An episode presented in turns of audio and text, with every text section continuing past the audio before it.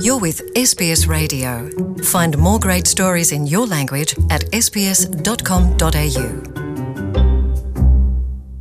Ua atoa deila se fulu te usanga talua na afia le ayo klaistete e ni usila i le mafui e malosi na tele soifua na maumawai ma meto tino na faa le angai nai.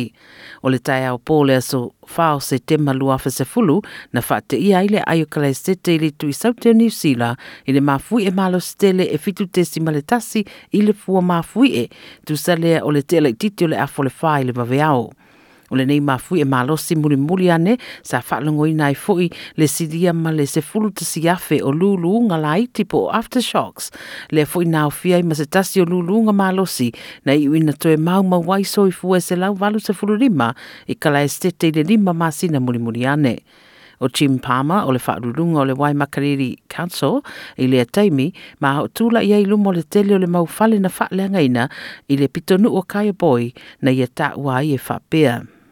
there's been large areas of lateral shift or spread, and properties in this part of Kaiapoi have moved up to three metres from where they were prior to the earthquake, and so houses have been slid sideways. And this house that we're standing in front of has moved a couple of metres from where it was prior to the quake. O le tele o vaenga o kalaistete na afia ini vaenga vai vai o le ele ele, ma sa faa leanga ina i se vaenga tele o le palapala. fa mai pama o se tasi leo tūlanga na afia i le telu tangata e tali pei lava o afia ngai le malosi o le mafui e.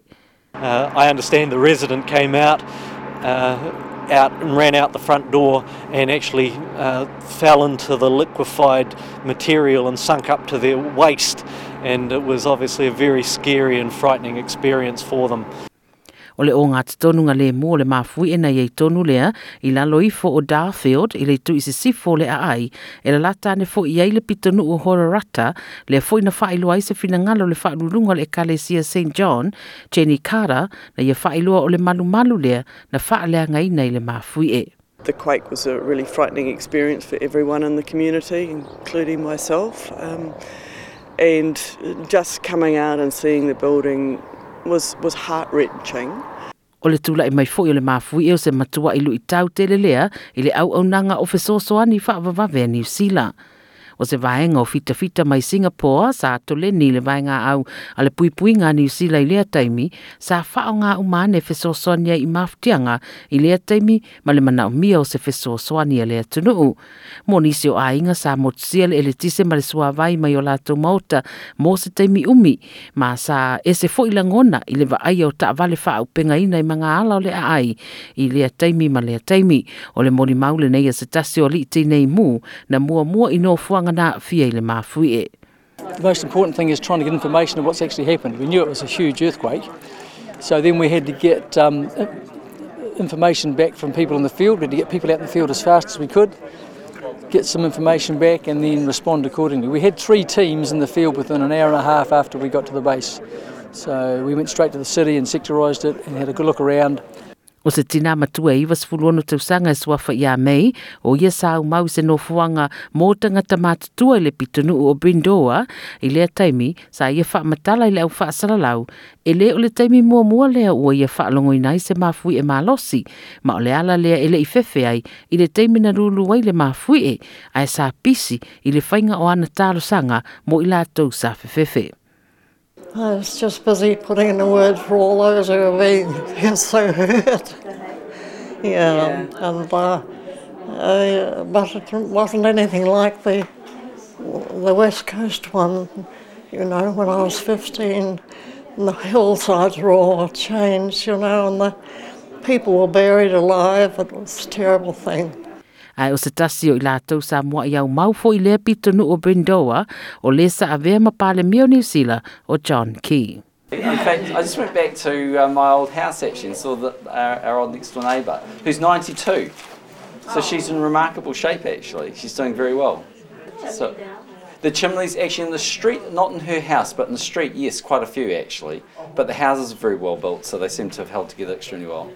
Mao le tūlanga lava le e tasi sa ta atele le tele o pitonu o le aai o nofuanga o autou sangai pe o le Victorian Christchurch Arts Centre na matua faa le angaina le ana faa li ai se fina ngalo se tasi o sui o le kanso e yailo na tomai tūlanga o nofuanga faa pea e mawhaio na fausia nofuanga matango fie a to ai fo ima le fausia o ni fale e saunga le mu ai a tonu e le mawhai o na fausia umai ai tu ai ngā fale lua i se nofuanga ea a fie ngō fie e ma fui e.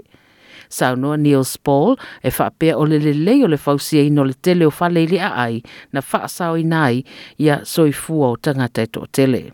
Some of it's got to come down. The old masonry obviously has taken the biggest hit, but yep. the modern structures have done quite well. Yeah. And uh, there's not a rush in to knock these things down, but more to secure them so people can take time to have a yep. look at them peitaʻi e lee alofia ai mea moni na matua aafia lava le aai se tulaga ogaoga o le tele o faleoloa na faaleagaina ma o nisi faleoloa na matuaʻi leai lava ma se mea na totoe a o isi foʻi faleoloa e foliga e leʻi ai lava ni mea na fa faaleagaina o le fa mtalanga major mike allwight mai le salvation army i le faaitua linwood na ia e taʻua ai o latou sa feagai ma le ofoina o le auaunaga i le faitauselau o tagata mafatia A normal month for us here would be 80 families. We've done 500 or thereabouts in a week. Yes, it's not normal. Um, so we, have been helping families. We've got a team of counsellors working out of here. We've also got people going out into the streets. Um, and what they're doing is they're going about um, just talking to people and a lot of people have donated us simple things like home baking, which has been fantastic. You know, ladies have been bringing these little plates of cakes and that. And the team that's going out around the streets is handing out home baking. And there's nothing nicer in emergency than a bit of home baking. It just makes a difference.